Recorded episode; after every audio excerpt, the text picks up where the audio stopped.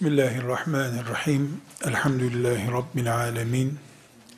Ve sallallahu ve sellem ala seyyidina Muhammedin ve ala alihi ve sahbihi ecma'in. Üzerinde yaşadığımız dünyanın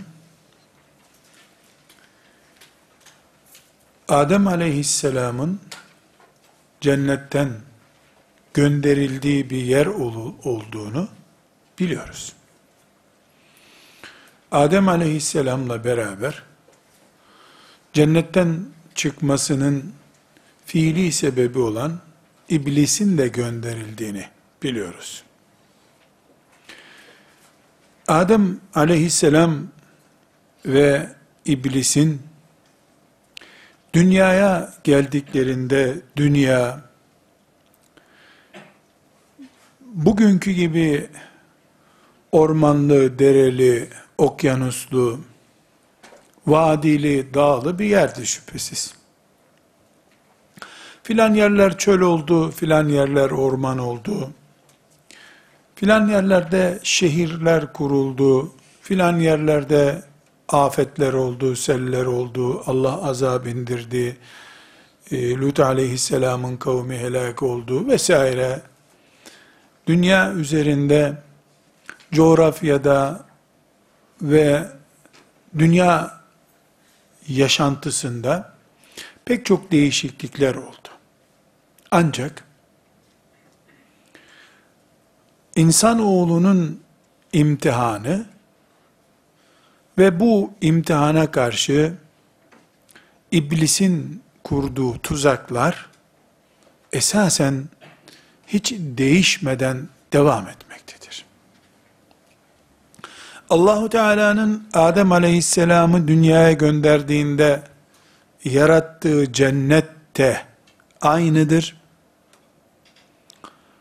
İman şartı da o cennet için aynıdır. İblis de aynı iblistir.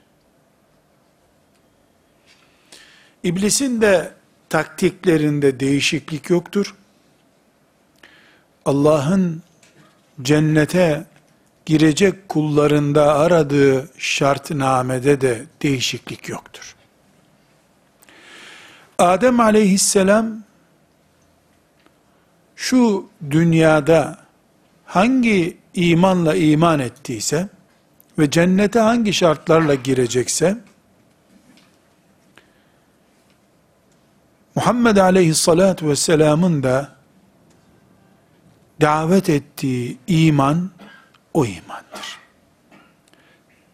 Furuat dediğimiz 3, 5, 10 meseledeki değişiklik, cennetin şartnamelerindeki değişiklik değildir.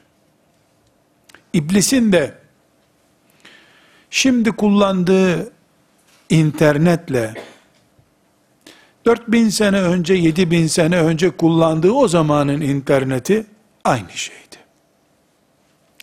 Şimdi sosyal medya kullanıyor.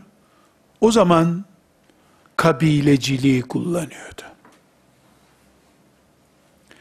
Şimdi mesaj çekiliyor, o zaman fiskos çektiriyordu. Dedikodu çektiriyordu.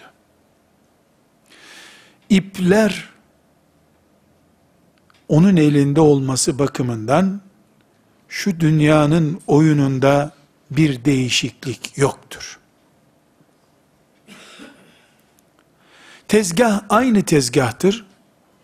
Pazarlamacı aynı pazarlamacıdır. Kardeşlerim, bunun içinde Kur'an ebedi bir kitaptır.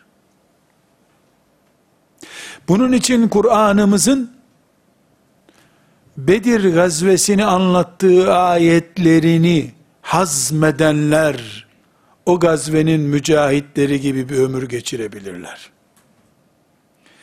Bedir'i Medine'nin 150 kilometre yakınında bir kasabanın adı zannedip kalanlar, hep Ebu Sufyan'ın ordularına perişan olurlar.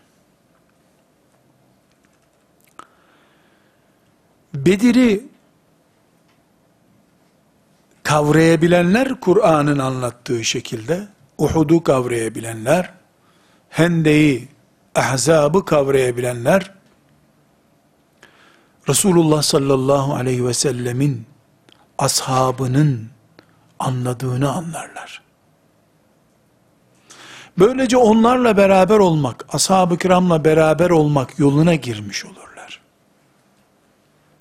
Kur'an tek bir ayeti dahi o zamandı, şimdi kalktı tedavülden ayet değildir. O gün inmiştir, bugün inmesi gerekendir. Bu sebeple Yusuf aleyhisselamın kıssasının anlatıldığı Yusuf suresini Yakub'un çocukları arasındaki bir macera olarak anlayanlar, bundan çizgi film yapıp çocuklarını teselli etmek için bunu öğrenenler, Kur'an'ın bir suresinden ve o suredeki yüzlerce ayrıntıdan uzak bir Müslümanlık yaşarlar. Bir bölü 114 oranında eksik bir Müslümanlıktır o. Çünkü Kur'an bütününe iman edildiğinde iman edilmiş kitap olur.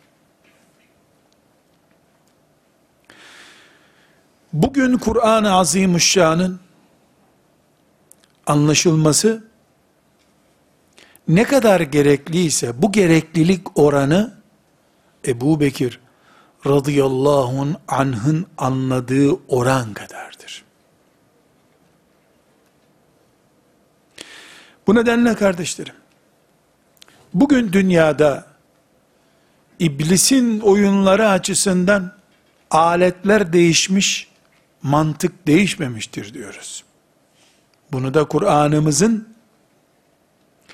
herhangi bir satırındaki bir meseleyi bugüne uyarlayarak ispat edelim istiyoruz.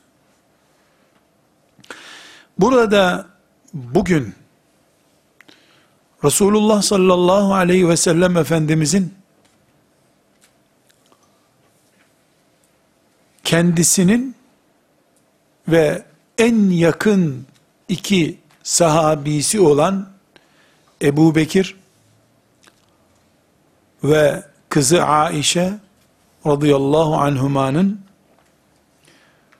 içinde bulunduğu büyük bir hadiseyi bugüne taşıyarak Müslümanlığımızı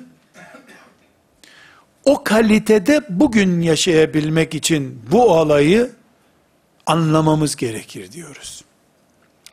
İfk olayı Kur'an-ı Kerim'in Nur suresinde Allahu Teala'nın 11 ve 20. ayetlerde zikrettiği ifk olayı. Bu olayı konuşacağız. Bir satır olarak nedir ifk olayı onu hatırlayalım. Münafıkların başını çektiği ama bazı Müslümanların da içine katıldığı iftira olayı. İftiraya konu olan Ebu Bekir'in kızı rahmeten lil alemin Resulullah sallallahu aleyhi ve sellemin hanımı müminlerin anası Aişe radıyallahu anha. İftira da bir kadına yapılabilecek en büyük iftira. İffeti, namusu ile ilgili iftira. Göz göre göre. Herkesin gözü önünde bir dedikodu fırtınasıyla Resulullah sallallahu aleyhi ve sellemin ciğerinin sökülmeye çalışıldığı büyük bir fitne. Kur'an'ımız buna ifk adını veriyor. Uydurma, sahte, iftira demek. İfk. Nur suresinin 11. ayetinden 20. ayetine kadar olan bölüm baştan sona bu olayı teferruatıyla anlatmıyor, sonuçlarıyla önümüze koyuyor. Bu olaya bu iki dersimizde temas edeceğiz. Ancak tekrar baştaki sözlerime dönüyorum. Kur'an bugünün de kitabıdır. Çünkü bugün de Kur'an'a iman edenler cennete girecekler. İnşallah. Kur'an'ın her ayeti, istisnası yok. Her ayeti, dün Ebu Bekir radıyallahu anh'ın ne kadar ilgilendiriyorduysa, bugün filanca Müslümanı da o kadar ilgilendiriyordur. Bu ifk olayı, Aişe radıyallahu anhanın üzerinden ceryan etmiş bir olay. Aişe bu dünyadan Rabbine gideli neredeyse 1400 sene oldu. Aişe yok. Operasyonu gerçekleştiren Abdullah İbni Übey İbni Selül de yok. Bu olay tarihin içinde kayboldu gitti belki. Ama o olayı tezgahlayan iblisin planı ve iblise maşa olacak tiniyetteki insan sayısı hala dünyada mevcuttur. Bu nedenle Kur'an'ın Nur suresinin 11. 20. ayetleri bu mübarek 10 ayet bir sayfa kadar yaklaşık Kur'an-ı Kerim'de Medine'de Resulullah sallallahu aleyhi ve sellemin evinde ortaya çıkan bir faciayı anlatıyor görünür. Ama kıyamete kadar iman eden müminler ders görsün diye anlatır. İblis aynı iblistir. Şu Medine'yi kara bulutlarla kuşatan facianın tezgahlayıcı maşası Abdullah İbni Übey İbni Selul'ün kafa yapısı hala insanlıkta mevcuttur. Bu olayı Müslümanlar olarak biz Medine'de gerçekleşmiş çok acı bir hatıra olarak görürsek, diğer Kur'an'ın bütün anlattığı olaylar gibi, o zamana ait bir olay olarak görürsek, tek kelime ile söyleyeceğim ki, işte böyle Müslüman oluruz o zaman. Şamaroğlan'ına döneriz. Aile huzurumuzu mercekle ararız. İzzetimiz, itibarımızın olmadığı bir dünyada yaşarız. Şimdi kardeşlerim, ifk olayını bugün Müslümanlar olarak nasıl anlamamız gerektiğini ve böylece de dünyanın dönüşüne dair üzerinde bulunduğumuz dünyanın bize etki eden serüvenine ait bir ayrıntıya gireceğiz. Ama önce birkaç hakikati perçinleyelim. Biliyoruz. Bu hakikatları biliyoruz ama ifk olayını Medine'de kara bir hatıra olarak anlamakla mümin toplumun her sabah başına gelebilmesi muhtemel bir facia adayı olarak muhtemel bir olay olarak anlamak ve tedbir almak da gerekiyorsa eğer bazı ön sözler gerekiyor. Bir, birinci ön sözümüz. Allah Celle Celaluhu insan İslam dini dünya ve kulluk imtihanı ve cennet ya da cehennem olarak sonuçlanacak olan akibet. Medine ile bugün aynı şeylerdir. Biz İstanbul'dan bu olayı okuyoruz. Ama ifk olayı Medine-i Münevvere'de ortaya çıktı.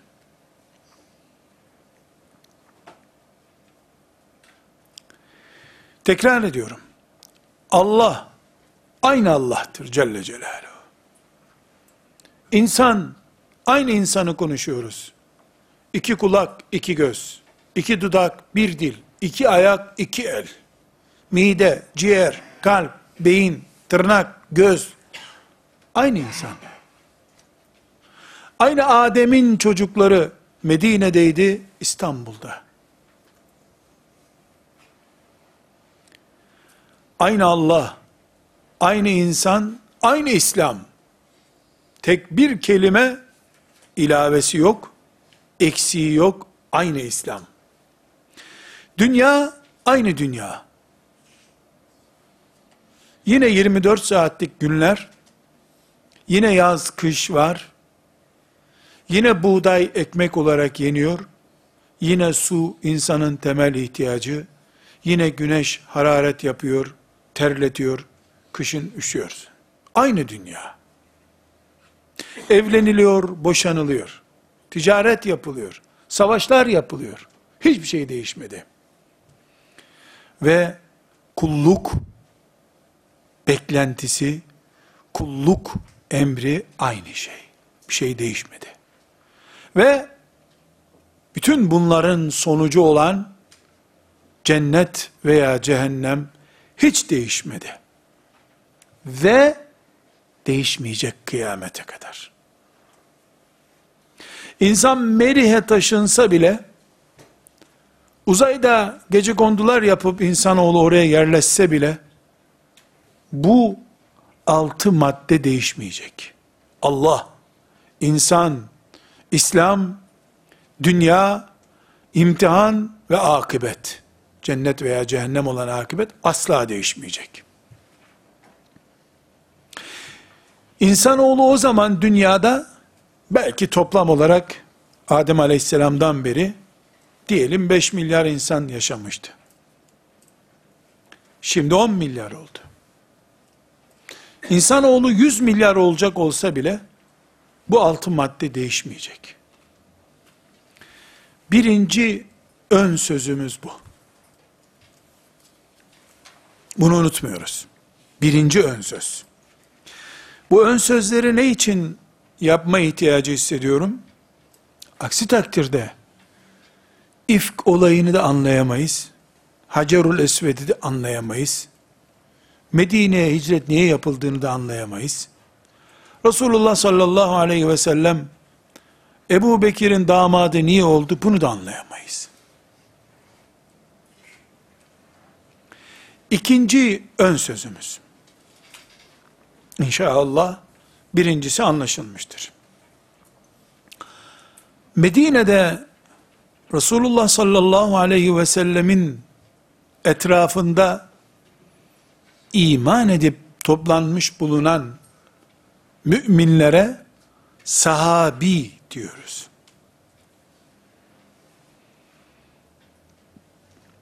Ashab-ı kiram topluca hepsine verilen isim. Bir fert olarak anıldıklarında sahabi diyoruz. Ashab-ı kiram fert olarak anıldığında sahabi veya toplu olarak anıldıklarında ashab insan toplumuydular. Kanatları yoktu. Yeme içme, uyuma, yürüme, hava alma, su içme zorundaydılar. Bugün bir fert olarak herhangi birimiz neyse ashabın içinden de herhangi biri oydu. insan kümesinin birleşmiş şekli olarak ashab-ı kiram 120 bin kişi olarak insan topluluğuydular. Bütün toplumlar için insan olarak ne gerekiyor ise ne şart ise ashab-ı kiram içinde Allah onlardan razı olsun gerekliydi bu. Sahabe oldukları için yatak odaları olmayan evlerde yaşamıyorlardı. Onlar sahabiydi diye kesince parmakları acımıyordu diye bir şey yok. Acıkmıyorlardı diye bir şey yok. Üşümezlerdi diye bir şey yok. Korkmazlardı diye bir şey yok. Bugün kuzeyde veya güneyde, doğuda ya da batıda herhangi bir toplum insan olarak nasıl oluşuyorsa ashab-ı kiramda öyle oluştu. Evleri var, ticaret yapıyorlar, ziraat yapıyorlar, acıkıyorlar, kimi tatlı seviyor, kimi tuzlu seviyor. İnsan karakteri. Toplumun içinde iyileri var, kötüleri var. Herhangi bir şekilde insan olmalarından kaynaklanan bir ihtiyaçlarından muaf değildiler. En can alıcı örneği olarak sahabi oldukları için Peygamber aleyhisselamın mescidine girip çıktıkları için cinselliklerinde bir kısıtlama olmamıştı. Eşleriyle, kocaları veya hanımlarıyla yüzde yüz uyumlu, hiç çıt çıkmadan yaşanan bir hayatları yoktu. İnsan neyse onlar da oydular. Bu nedenle masum değildiler. İfk olayında göreceğiz. Resulullah sallallahu aleyhi ve sellemin huzurunda onun iki can dostu Medine'yi bağırları gibi peygambere açan aleyhissalatü vesselam sür atını denize sürdük arkandan ya Resulallah diyen iki kişi Sa'd bin Muaz ve Sa'd bin Ubade radıyallahu anhuma bu ifk olayı yüzünden Resulullah sallallahu aleyhi ve sellemin huzurunda az kalsın birbirlerinin kafasını vuruyorlardı. İnsandılar çünkü. Ashab-ı kiram insan oldukları için, insan topluluğunu oluşturdukları için bizim örneğimizdirler zaten. Göklerde yüz bin melek bizim örneğimiz değil. Melekler standardımızda değil ki nelerini ölçü alıp da biz onlar gibi iyi mümin olalım diye gayret edeceğiz. Müminler sahabi olduklarında da 10 nesil 20 nesil sonra gelen bir nesil de olsalar insan olarak mümin olurlar. Binaenaleyh ashab-ı kiramı düşünürken bir gerçeği unutmayacağız. İnsandılar, melek değildiler. En iyileri hata yapabildi. Allah mağfiret ve rahmeti ile ilgili lütfu, ihsanı ile ilgili tecelliyatını da onların üzerine yaptı. En ağır suçlara karşı Allah en derin merhametiyle onlara muamele etti. Ve böylece kurtuldular. Eğer bu ikinci ön sözüm anlaşılmazsa, ashab-ı kiramı melekleşmiş, insanlıktan yükselmiş kimseler olarak görürsek, Kur'an'ın var dediği ifk olayını koyacak bir yer bulamayız. Ve eğitim dışı kalması gereken bir anlayıştan dolayı Kur'an'dan istifade edemeyiz. Akibet olarak da iften beter olaylar başımızda döner durur. Üçüncü ön sözümüz. İfk olayını anlayabilmek için kitabımız Kur'an'dan on mübarek ayeti anlayıp şu dünyanın etrafımızda kafirlerle Müslümanlarla ortak yaşadığımız şu dünyada veya kendi iç dünyamızda nasıl döndüğünü anlayabilmek için. İfk olayını anlayacağız. İfk olayını anlayabilmek için kafalarımızın, zihin yapımızın Kur'an'dan 10 ayet anlamaya hazır olması lazım. Şimdi üçüncü kuralımıza geçelim. Kardeşlerim, Medine'de Resulullah sallallahu aleyhi ve sellemin başında durduğu etten kemikten surlar örülerek korunduğu o mübarek şehirde müminler bir, kafirler iki, münafıklar üç grup olarak yaşıyorlardı.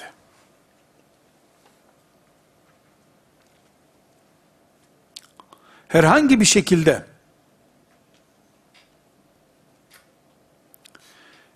münafıkların bulunmadığı bir Medine hayal edemeyiz. Halbuki Medine Cebrail aleyhisselamın dakika başı gelip gittiği bir yer.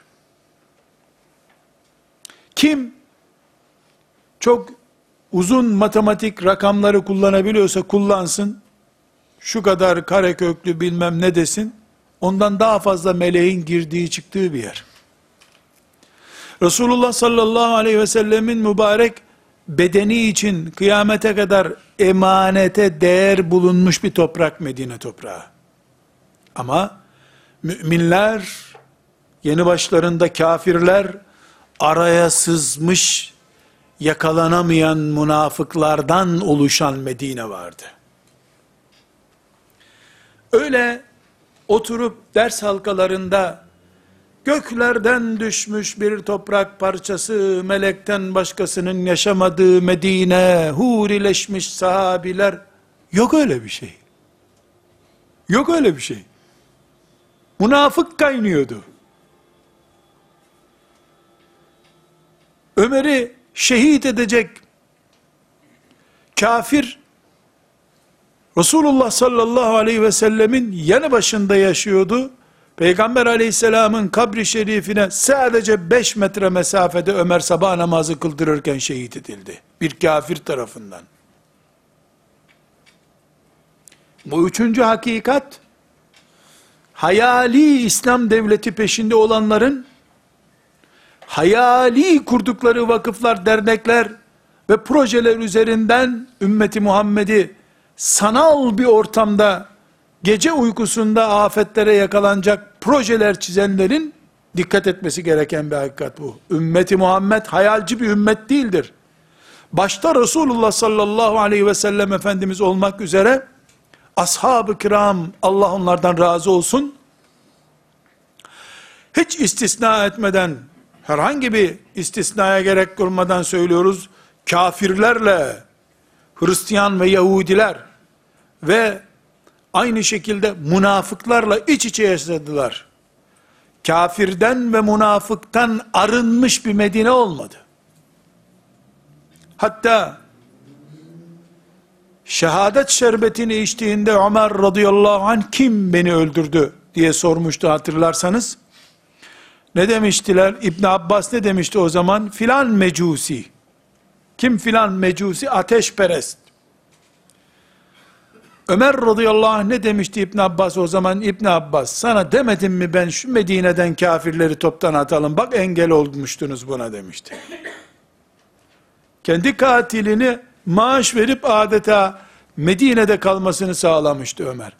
Çünkü iman, küfür ve nifak birinci sayfası açıldığında Kur'an-ı Kerim'in ilk yüz ayeti dolmadan müminlerin önüne koyduğu hayat tablosudur Kur'an'ımızın.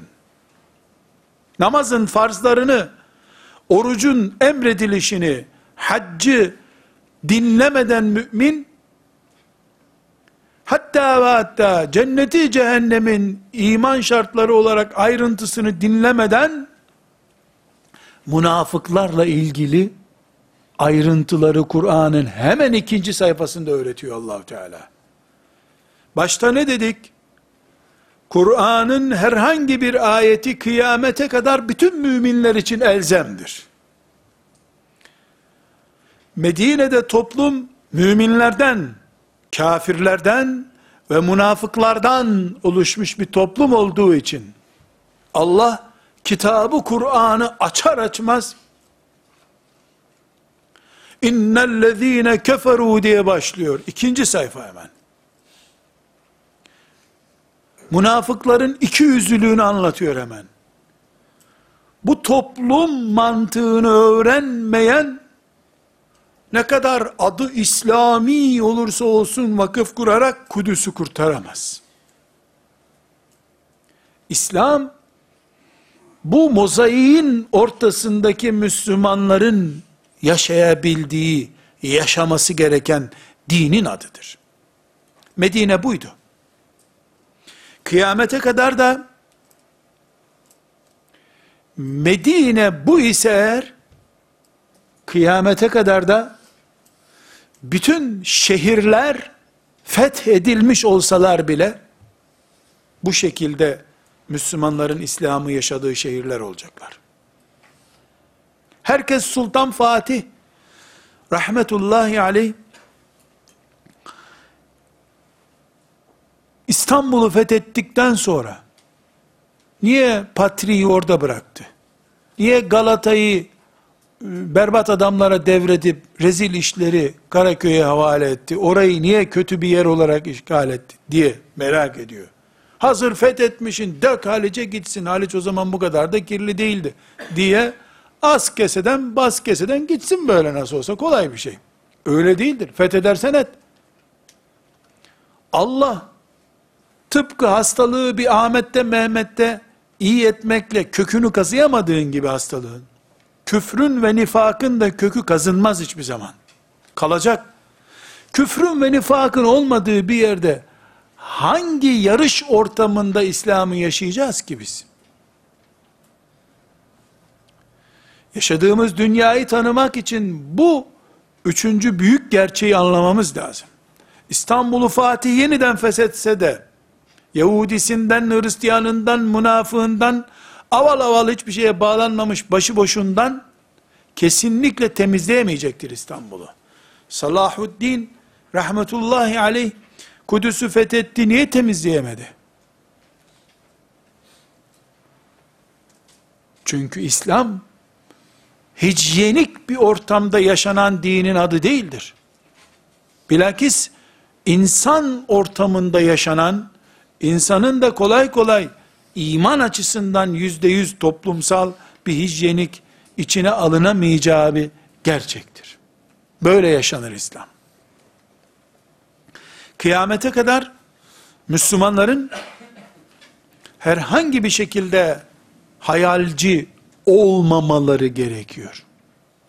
Kurulmuş şehirler, kimin eliyle kurulursa kurulsun Medine'den mübarek olamaz. Eh, Medine'yi de konuştuk. Mümini vardı. Elhamdülillah kısmı azamı onlardı. Kafirleri vardı. Münafıkları vardı. Peki, bu düşünce, yarın biz, bir şehir kurduğumuzda İslam namına sonucu bu olacak düşüncesi bizi pısırıklığa mı itiyor? İtmeli. Ürkmeye mi sevk etmeli? Hayır. Hayır. Yürüdüğün zeminin buzlu olduğunu uyarmak, düşmemeni sağlamak içindir. Eğer Allah Azze ve Celle topluluklardan bir topluluğa saf İslam kitlesi içerisinde yaşamayı lütfedecek olsaydı, bunu ashab-ı kirama yapardı. Radıyallahu anhum ve radu onlar çünkü. Allah'ın razı olduğu nesildiler. Buna rağmen onlara çetin bir yol sürdü Allah. Çetin. İnsani şartlarda cennete girilecek. Melek şartlarında cennete girmek yok. Eğer Allah sorunsuz, kafirsiz, münafıksız, komplosuz, protokolsüz, her şeye uygun bir Müslümanlık, İslam bir kuluna lütfedecek olsaydı, herhalde bunu Seyyidül Kevneyn, Resulullah sallallahu aleyhi ve sellem için ihsan ederdi. Şu çilesini biraz sonra göreceğiz. Bu da üçüncü gerçek kardeşler, ön söz. Dördüncü ön sözümüz. Hepimiz biliyoruz ki وَمَا خَلَقْتُ الْجِنَّ وَالْاِنْسَ اِلَّا لِيَعْبُدُونَ İnsanlar da, cinler de kulluk için yaratıldılar. İbadet için. Kulluk. Bu kulluk, gündüzleri var, gece yok diyemeyiz. Zenginler için var, fakirler için yok diyemeyiz. Mekke'de var, İstanbul'da olmaz diyemeyiz. Çok büyük projelerdir onlar. Ufak tefek işler önemli değil diyemeyiz. Yazın kulluk olur, kışın olmaz. Hava şartlarında zaten çok zor diyemeyiz. Biz kulluğu nerede nefes alıyorsak, ne zaman nefes alıyorsak, o zaman imtihan konusu olarak görmek zorundayız. Hatta ve hatta, hatta ve hatta, Mekke'yi fethettiğimiz gün fetih sevincinin içinde bile imtihan vardır.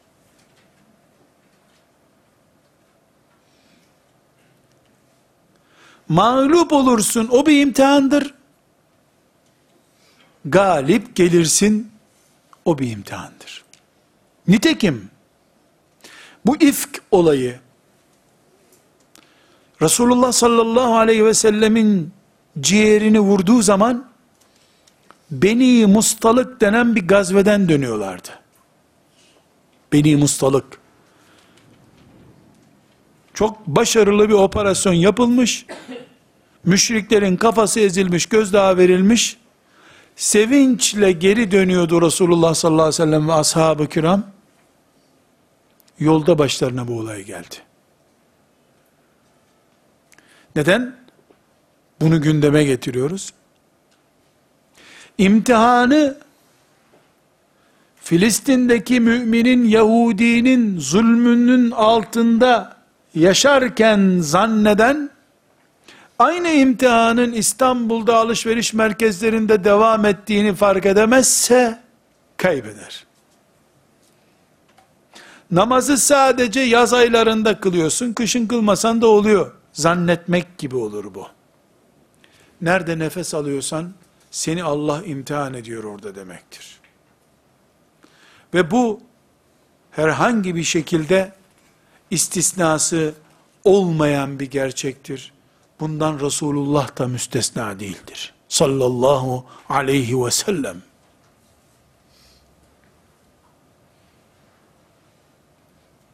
Hakikat budur. Beşinci ön sözümüz, ifki anlayabilmek için. Dün inen Kur'an ayetini bugün şimdi iniyor, inmiş gibi taptaze okuyacak kafaların şöyle bir hazırlık yapması için beşinci kural. Dedik ki dördüncü kuralda imtihanın zamanı ve mekanı yok. Yaz, kış, zor, kolay, zengin, fakir, büyük, küçüğü yok. İfk olayında, değerli kardeşlerim, hani bunu bir not olarak tutunuz, İfk olayında, bu ümmetin peygamberinden sonraki, en büyük iman sahibi Ebu Bekir'in başı yandı. Ve onun kızının başı yandı. Şimdi burada değil ama bu akşam evde yatmaya gittiğimizde şöyle elimizi şakağımıza koyup Resulullah sallallahu aleyhi ve sellem ve peygamberlerden sonra şu yeryüzü toprağında La ilahe illallah diyenlerin en büyüğü Ebu Bekir. Ve kızının başına gelen şu olay. Olayı daha sonra göreceğiz inşallah. Beşinci ön sözümüz. İmtihan, kulluk sınavı, kulluğun stresi, sadece ashab-ı kiramın çektiği açlık gibi açlık çekmek değildir. Bir zalim oğlu zalim, Epter oğlu Epter gelmiş, ümmeti Muhammed'in ezanını yasaklamış, Kur'an'ını yasaklamış diye, ezan yasağı, Kur'an yasağından ibaret değildir. Sen ve neyin varsa, imtihan konususun. Hatta en çok neyin varsa, en çok neyle ilgileniyorsan odur senin imtihan konun.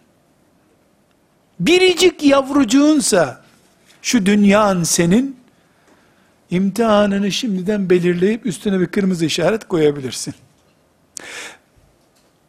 Burada arkadaşlar muhteşem bir ders olarak kenara koyalım bunu. 12 çocuğundan en cicisi Yusuf'sa o kuyuya düşecek demektir. Velev peygamber ol bir şey değişmiyor. Ciğerin ona bağlanmış çünkü. Sen ciğerini kime bağladıysan, e sen nefesini oradan alacaksın. Nefes borusundan da test yapılacaksın. Soluğun test edilecek. Biricik iş yerin mi var? Hani orada yatacaksın neredeyse o kadar seviyorsun. Orada bir belaya hazır olmak lazım. Bu sebeple kardeşler, insanın malı, ailesi, eş ve çocuklar anlamında, hayatın kendisi, hatta ve hatta din, İslam bir imtihan konusudur. Bu çok önemli. Malı anladık. Zekatı vesairesi imtihan konusu. Çoluk çocuğu anladık, imtihan konusu. Hayatımızı anladık, sağlığımız, sıhhatimiz imtihan konusu, tamam. Din nasıl imtihan konusu olur? Olur tabi. Olur tabi. Dinin kendisi de en tuzaklardan birisidir zaten. 50 yaşındasın, 49 senedir imanın altı şartı var diyorsun. Bunu bin kere konuşmuşundur sağda solda. Sonra boş boğaz birisi yok öyle bir şart kader diye bir şey yok diyor. 50. senen dolmuş Müslümanlıkta. Ya aslında bu kader nereden çıktı diye konuşu veriyorsun. Bak din kendisi bir imtihan maddesi zaten. Yahudi bekliyordun sen, dinle vurdu seni iblis. Yahudi'ye karşı tahkimat yapıyordun. Mesela ne yapıyordun? Yahudi sansürlü mallar listesi çıkarmıştın. Boykotlu mallarla ilgileniyordun.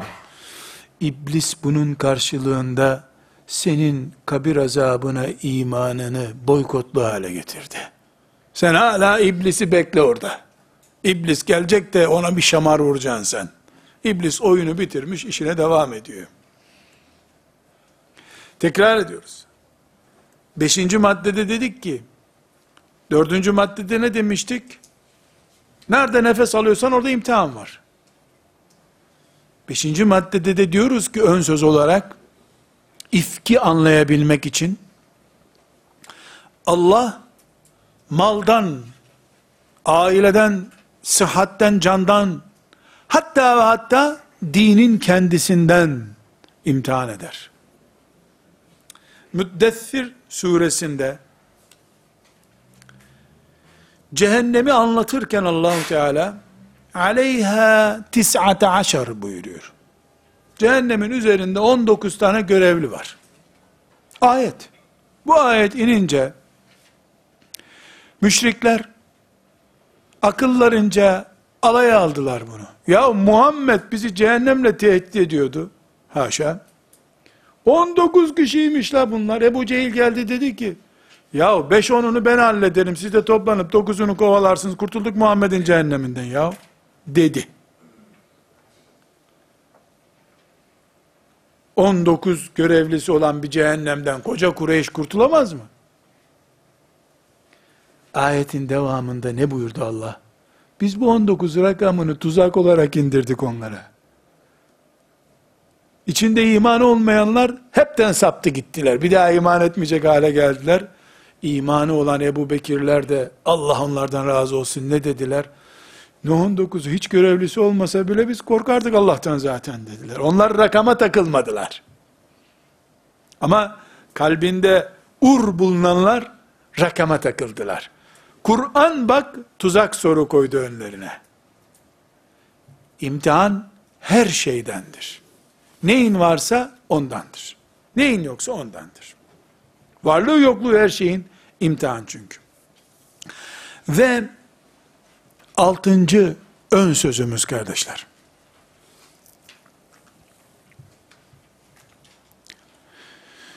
Kur'an imanımızın ruhudur.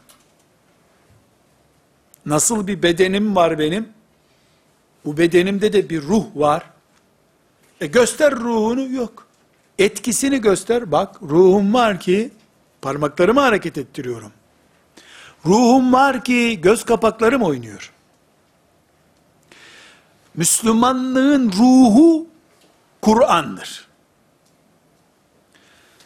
Kur'an'ı elinden gidenin ruhu olmayacağı için kıpırdayan bir dini olmaz onun.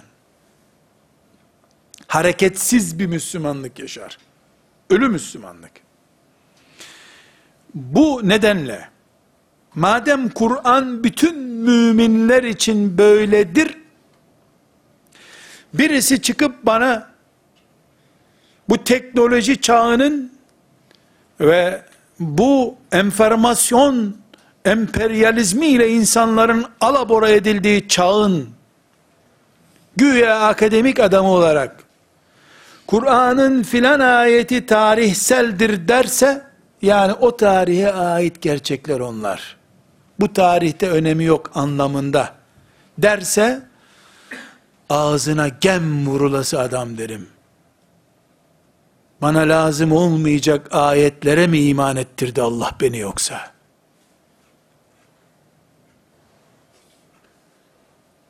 Gereksiz şeylere mi iman ettirdi beni Allah? Bugün veya yarın, dünyanın 5000 sene sonrasında da, hayat, teknoloji, dünya ne olursa olsun, Kur'an'ın birinci ayetinden son ayetine kadar, herhangi bir ayeti, herhangi bir kelimesi, harfi, filan çağdaki nesil için zaruri değildir denemez. Denirse, o zaman bir, Kur'an-ı Kerim'in bütün müminler için hak olduğunu iddia edemeyiz. Ashab-ı kiram için bir bölümü hak, bizim için bir bölümü hak demiş o. Hak ama uygulaması yok mu diyeceğiz. Nasihiyle, mensuhiyle, ammiyle, hassıyla, mücmeliyle, mukayyediyle, her nesi varsa Kur'an, dizilişi, tertibi, surelerin isimlerine kadar her yeniyle, her şeyiyle Kur'an muhteşemdir, muazzamdır. Ve kıyamete kadardır. Bu sebeple herhangi bir böyle kebair günahtandır demek için demiyorum ama bazı kardeşlerimiz Kur'an-ı Kerim'i nüzul sırasına göre tefsirden okuyorlar. Bunu boş bir iş olarak görüyoruz. Ebu Bekir'in okuduğu sıralamaya göre okunursa Ebu Bekir yapar insanı bu Kur'an. Hangisinin ne zaman indiği kesin belli olmayan bir şekilde diz Kur'an'ı, kat'i bir belgen yok elinde, bu sıraya göre okursan, salahat din yetiştiren mantığı yakalayamazsın Kur'an-ı Kerim'den. Bu sebeple biz, Kur'an-ı Kerim'in herhangi bir ayeti için, asla ve kat'a, bu ayet, bu zamanda, ne manaya geliyor diyemeyiz. Ebu Bekir'in zamanında radıyallahu anh, ne manaya geldiyse, o manaya geliyor. Herhangi bir şekilde, Kur'an-ı Kerim'e olan ihtiyacımız, suya olan ihtiyacımızdan farklı değildir. İnsan olarak, Ammar İbni Yasir, radıyallahu anhuma, ne kadar suya muhtaç idiyse, insan olarak ben de o kadar suya muhtacım. Kur'an'da da öyle. Fatıma radıyallahu anha, ne kadar ekmeğe, yemeğe, içmeye muhtaç idiyse, ben de o kadar muhtacım. Kur'an'da da öyle. Fatihasından Nas suresine kadar, Kur'an'ımızın bütünü, Allah'ın emanetidir. Ve tek bir kelimesi fazla olmamak üzere, ve elimize eksik ulaşmamış olmak üzere, bizim ihtiyacımızdır. Şu kadar ki, biz ifk olayını, Aişe radıyallahu anhanın başından geçmiş bir kötü olay olarak, iftira olarak görüp, o günde bırakarsak Nur suresinin 11.den 20. ayetine kadar olan bölümü, sonuç şu olur. Otururuz, hem de Ramazan gecelerinde tatlı tatlı gıybetler edip, ifk olayının benzerlerini Müslüman evlerimizde kendimiz yaparız. Aişe'ye tertiplenen bu olayı radıyallahu anh'a münafıkların başı yapmıştı. Biz ise teraviden geldikten sonra kendimiz yaparız. Çünkü insan olarak o ifk olayını anlatan ayetlerin 2500. sene içinde taptaze olduğunu anlamamış bulunuyoruz. İfk olayı ayetlerini aile terbiyemiz olarak, insan karakter ölçüm cihazımız olarak kullanmak zorundayız. Çünkü Kur'an benim kitabım, Nur suresi benim kitabımın suresi, ifk olayı bu surede anlatılıyor. Ayşe, Ebu Bekir, Ömer, Ammar, Nesibe, radıyallahu anhum cemiyen, onların içtiği suyu içerek onlar gibi insanca yaşıyorsun, ama onların ayetleri, onlara in, söylenen hadisler, gündemimin dışında olabiliyor. Yanlış. Bu yok. İkinci bölümde sureye devam edeceğiz. Bu ön sözlerden sonra inşallah. Velhamdülillahi Rabbil Alemin.